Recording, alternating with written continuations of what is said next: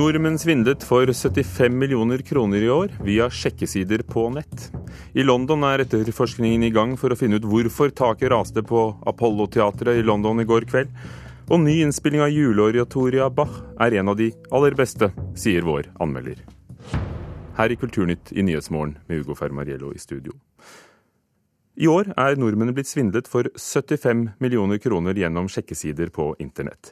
Den siste uken er fire kvinner svindlet for over 4 millioner kroner. Nettstedene hvor sjekkingen foregår, sier de sletter flere falske profiler hver dag. Så inn her så kommer typisk veldig fort profiler som har eh, sånn Google Translate, ikke sant. Eh, Get to know me, the real me. Ikke sant?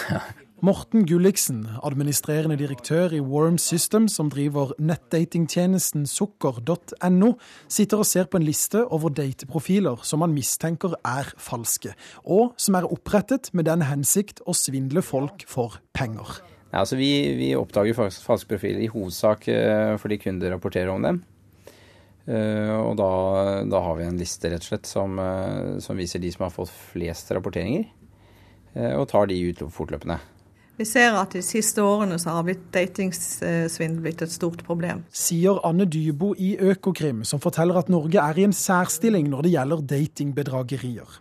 I år har 108 personer blitt svindlet for 75 millioner kroner via ulike datingnettsteder. Bare denne uka har fire kvinner blitt svindlet for over 4 millioner kroner. Altså Dette er organisert kriminalitet. Og de som jobber eller driver med denne type svindel, de driver med mye annet også. Bankene har blitt flinkere til å oppdage og stoppe de store transaksjonene. Derfor har totalsummen det svindles for gått kraftig ned fra i fjor. Men det er nesten like mange nordmenn som er blitt svindlet i år. Og politiet selv tror det er store mørketall. Vi ser at unge folk lar seg ikke lure, for de er, har litt mer erfaring med nett nettdating. Så det er mye voksne folk fra 40 til 70 år, mye kvinner. Så får de henvendelse fra en person, en mann eller en dame. Og de oppretter kontakt, de får et tillitsforhold, de får et kjærlighetsforhold. Øh, og så begynner det å bli snakk om penger. Og så begynner de å sende penger til flybillett, til en syk mor, en syk far mange profiler har også lenke til andre nettsteder der brukerne må registrere seg med kort- og kontoinformasjon for å få chatte eller ha en webkamerasamtale. Dermed blir brukerne tappet for mer penger enn de hadde sett for seg, og i slike tilfeller er du selv ansvarlig for det hele. Hvis du gir fra deg kortinformasjon eh, helt ukritisk på nettet, så er du ansvarlig sjøl hvis eh, informasjonen blir misbrukt. Det er et generelt problem i, i nettsjekkingbransjen. Sier administrerende direktør i datingtjenesten Møteplassen, Mikael Josander. Han forteller at 10% av profilene som forsøker å registrere seg hos dem, blir avvist fordi de mistenker at de er falske, og at de ikke klarer å oppdage alle. Så Det er noe vi må jobbe, jobbe hardt med, og som vi jobber hardt med hver dag for å uh, forsøke å benestre på beste sett. Men hvem som egentlig er ansvarlig for svindling via datingsider, er uavklart. Jo Sander selv sammenligner det med et barbesøk. Det er barens ansvar å holde orden, men hvis man likevel blir frastjålet lommeboken sin av noen av gjestene, kan ikke baren ta ansvar for det. Så, så, så det er klart at man kan ha en diskusjon om hvems ansvar det er, men, men uh, i grunn og bunn så, så, så, kan vi ikke ta ansvar for at folk beter seg uh, ubetenksomt helt enkelt. Og reporter her var Christian Ingebretsen. Tore Orderløkken, administrerende direktør ved Norsk senter for informasjonssikring. Hvem har ansvaret, vil du si, når kontaktsøkende blir svindlet? Det er jo eh, flere som har litt ansvar her. Eh, selvsagt har den enkelte et eh, ansvar for å følge med og ikke gjøre ting som gjør at man blir svindlet. Men vi ser òg at det er veldig mange tjenester som kanskje burde gjøre mer for å unngå at uh, falske profiler blir lagt ut, og at uh, man da blir lurt av uh, organisert kriminelle. Men ærlig talt, får du en melding, dårlig oversatt, fra noen bosatt i utlandet som til slutt ber om penger, ja, hva, hva kan man gjøre med det? Det har vi lurt på i lang tid òg, fordi vi ser jo at eh, det fortsatt er mange som går på det her. Vi får eh, i Slettmeg, som vi driver, eh, nesten 500 saker nå hittil i år som dreier seg om nettdating. Vi ser òg at de fleste er kvinner eh, som blir lurt. Og når teksten er dårlig, eh, og når det her kanskje hvis du ser litt nøye på det, eh, at det burde ringe noen alarmbjeller, så, så går fortsatt folk på det her. Det er... Hva kan dere gjøre i Slett meg nå? Det vi gjør er jo mye forebygging. Vi er ute i, i media for å snakke om det. Uh, I tillegg så hjelper jo vi de som er utsatt for uh, det her. Men det er mange ting som, uh, som, gjør at man går på, i tillegg til at kanskje det er en, start med litt dårlig tekst, men så starter det en dialog. Og det vi ser er at de som har den dialogen, de er gode. De oppretter tillit mellom et offer og svindleren, som gjør at du går mye lenger enn du ville gjort hvis du ikke hadde hatt hatt en kanskje et par måneders samtale med vedkommende. Forførere som eh, svindler sine ofre er jo ingen nyhet, men det er klart det er blitt eh, lettere tilgjengelig via internett. Hvor stor er svindel via sjekkesider i forhold til annen type lureri på internett? Det er nok eh, ikke der eh, de, de, største pengene går ut. Eh, det er mange måter de kriminelle nå bruker for å få tak i penger. En som er veldig effektiv, er jo det som går på falsk antivirusprogramvare. Du får opp varsler om at du har mye virus på PC-en, og så betaler du med kredittkortet ditt. Du blir da utsatt for kanskje et identitetstyveri og en, en svindel. Det er òg mange andre former for kriminalitet som de her organiserte nå kommer seg inn på. Men det er her hjertene brister? Det er her hjertene brister, og det er veldig mye følelser, og det er veldig vonde følelser. Så de telefonene vi får, de, de dreier seg om at eh, det her er en krenkelse av, av, de som personer, og i tillegg til at de har brukt mye penger. En annen trend her er vi ser at uh, folk kler av seg, sender nakenbilder, og så blir de satt i en situasjon hvor òg den som har eh, starta den datingpraten, blir utsatt for utpressing. Og mange av de sakene kommer heller ikke til politiet fordi offeret føler seg veldig beklemt i, i, den situasjonen, og da er det vi hos Slettmeg som eh, får den telefonen. Selvsagt så ønsker vi at de anmelder det, men i mange tilfeller så er de livredde for at de bildene skal da spres på sosiale medier f.eks. Så bortsett fra å ikke gi ut kredittkortinformasjon, ikke kle av seg, hva annet kan vi gjøre for å unngå nettsvindel? Det er jo ofte slik at uh, du må sjekke litt uh, på forhånd. Uh, det er en del e-poster du kan google. Mange av de blir brukt flere ganger, slik at de ligger ute der som, som falske. det at du klikker ukritisk på lenker og vedlegg, at du gir fra deg kredittkortinformasjon eller bruker betalingstjenester som er lite sporbare. Gå til banken hvis du skal gjennomføre transaksjoner. Gjør en del av de her sjekkene. og Sett deg litt i, i, tilbake i stolen og tenk over er det riktig det jeg gjør nå. Takk skal du ha, Tore Orderløkken, direktør ved NorSIS, Norsk senter for informasjonssikring.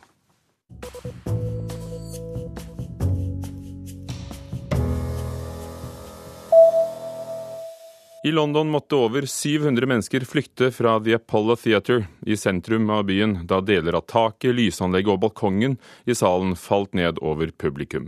Ingen har mistet livet, men 76 personer ble skadet. Kaotiske tilstander utenfor teatret nær Piccadilly Circus i går kveld. Was it going to be something else? Was it more than just the collapse of the ceiling or the balcony? And was there going to be a second ville det skje noe mer? Det var som å bli tvunget under vann. Du ble grepet av panikk. Det var ikke tid til å tenke. Man måtte bare handle, sier disse øyenvitnene. Very quickly an assessment was made of the situation and, uh, and a major incident was declared. Um, Vi gjorde en veldig rask vurdering av situasjonen og erklærte dette som en alvorlig hendelse. Situasjonen var uoversiktlig i begynnelsen med et høyt antall pasienter, sier en talsmann for redningstjenesten. Politi og brannvesen var på plass ved Apollo Theatre i løpet av få minutter. De fremmøtte i salen skulle egentlig nyte en hyggelig førjulskveld. Isteden måtte de evakuere i all hast fortalte reporter Hans Christian Hansson. Espen Aas, korrespondent i London, vet eh, folk noe mer om årsaken? Nei, Det er uh, i gang et arbeid for å se på takkonstruksjonene i dette litt over 100 år gamle teatret i, i, West End, for å se hva som kunne skje. Rett før eh, det ble meldt om denne kollapsen, så gikk det et forferdelig uvær uh, over London. Det var tordenvær, det var lyn og, og kraftig regn. Noen øyenvitner fortalte at de, de kjente at det kom vanndråper gjennom taket.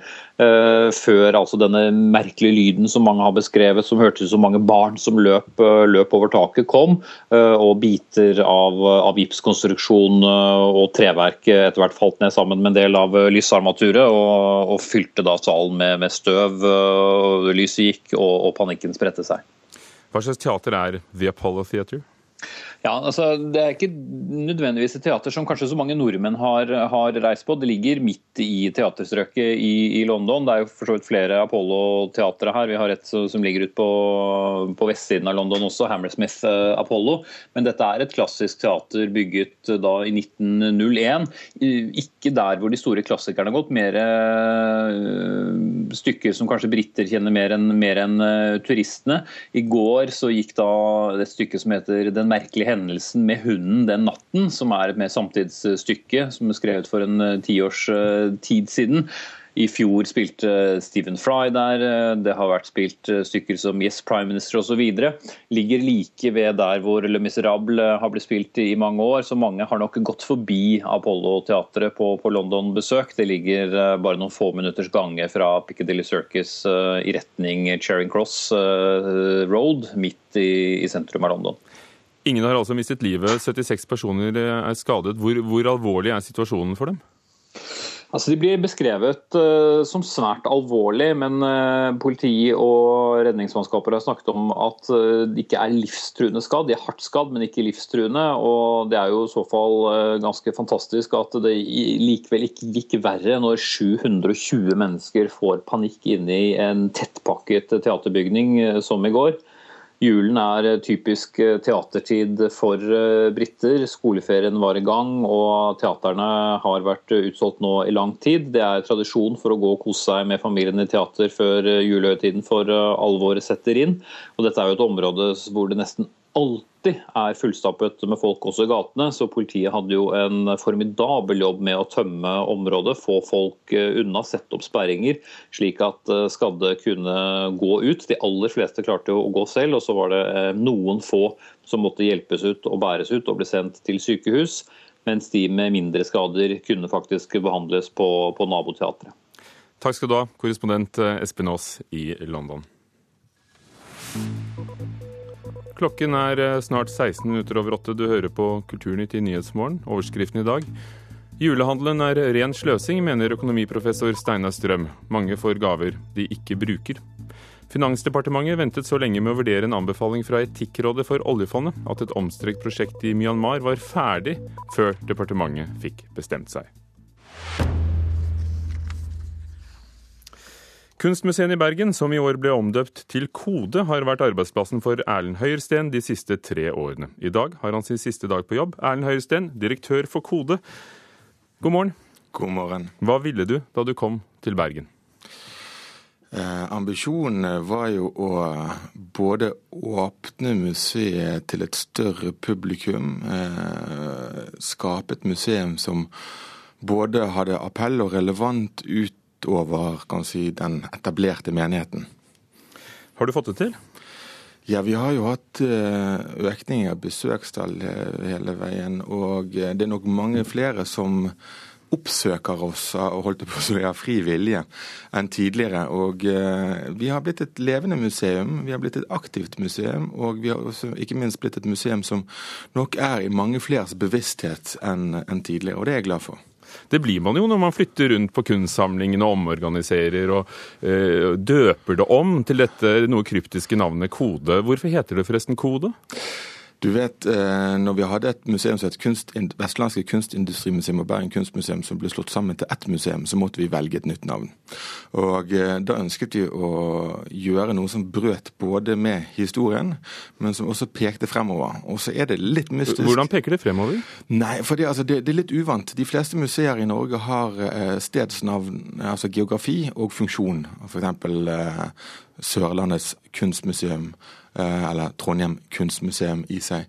Så vi ønsket å ha noe som var annerledes. Samtidig vet vi jo veldig godt at når vi gjør noe litt annerledes i Bergen, så blir det debatt. Og det er jo ingenting som er finere enn markedsføring for et nytt navn enn akkurat å gjøre noe annerledes. Har du lykkes også med utstillingene og omorganiseringen og å skape den forargelsen du ønsket? Eh, jeg vil si at omorganiseringen har gått veldig fint. Eh, vi gjorde et grep, og i løpet av et år eh, så var disse strukturene på plass. Og vi ser veldig godt den faglige effekten av den, ringvirkningene.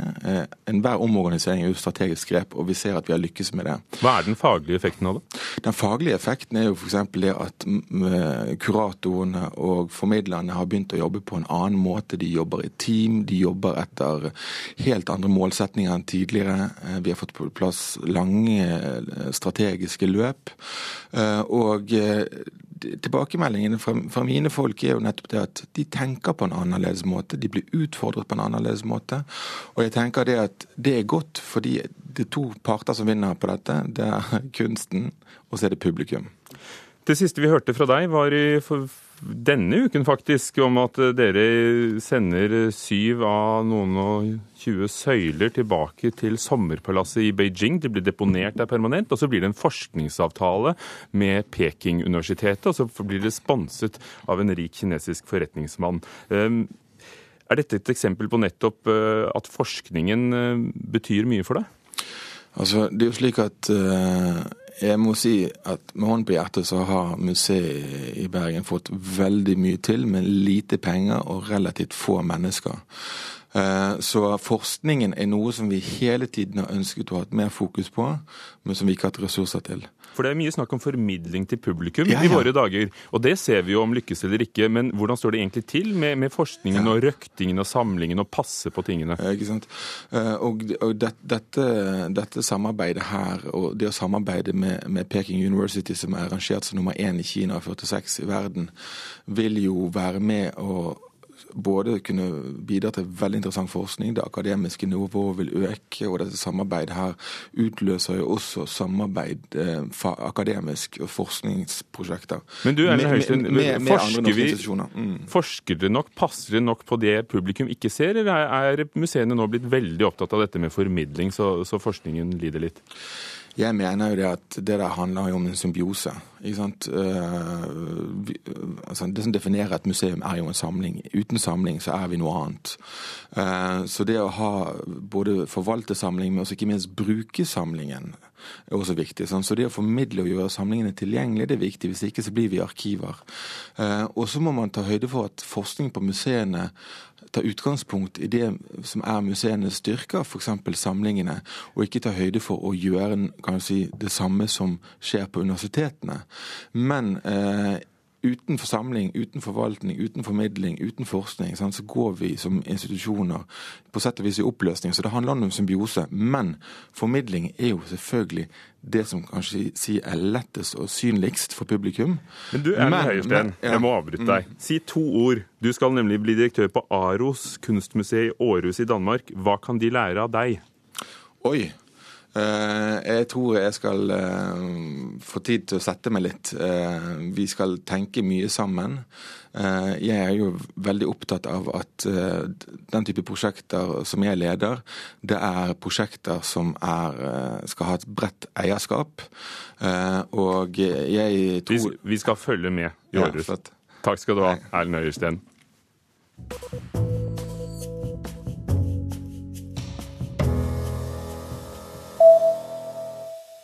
Forskningsmiljøene i landet skal konkurrere om 15 millioner kroner i året til kultur- og medieforskning. Regjeringen setter av 75 millioner kroner til dette de nærmeste fem årene, og kulturminister Torhild Vidvei har stor tro på forskningsprogrammet, og mener det er nødvendig.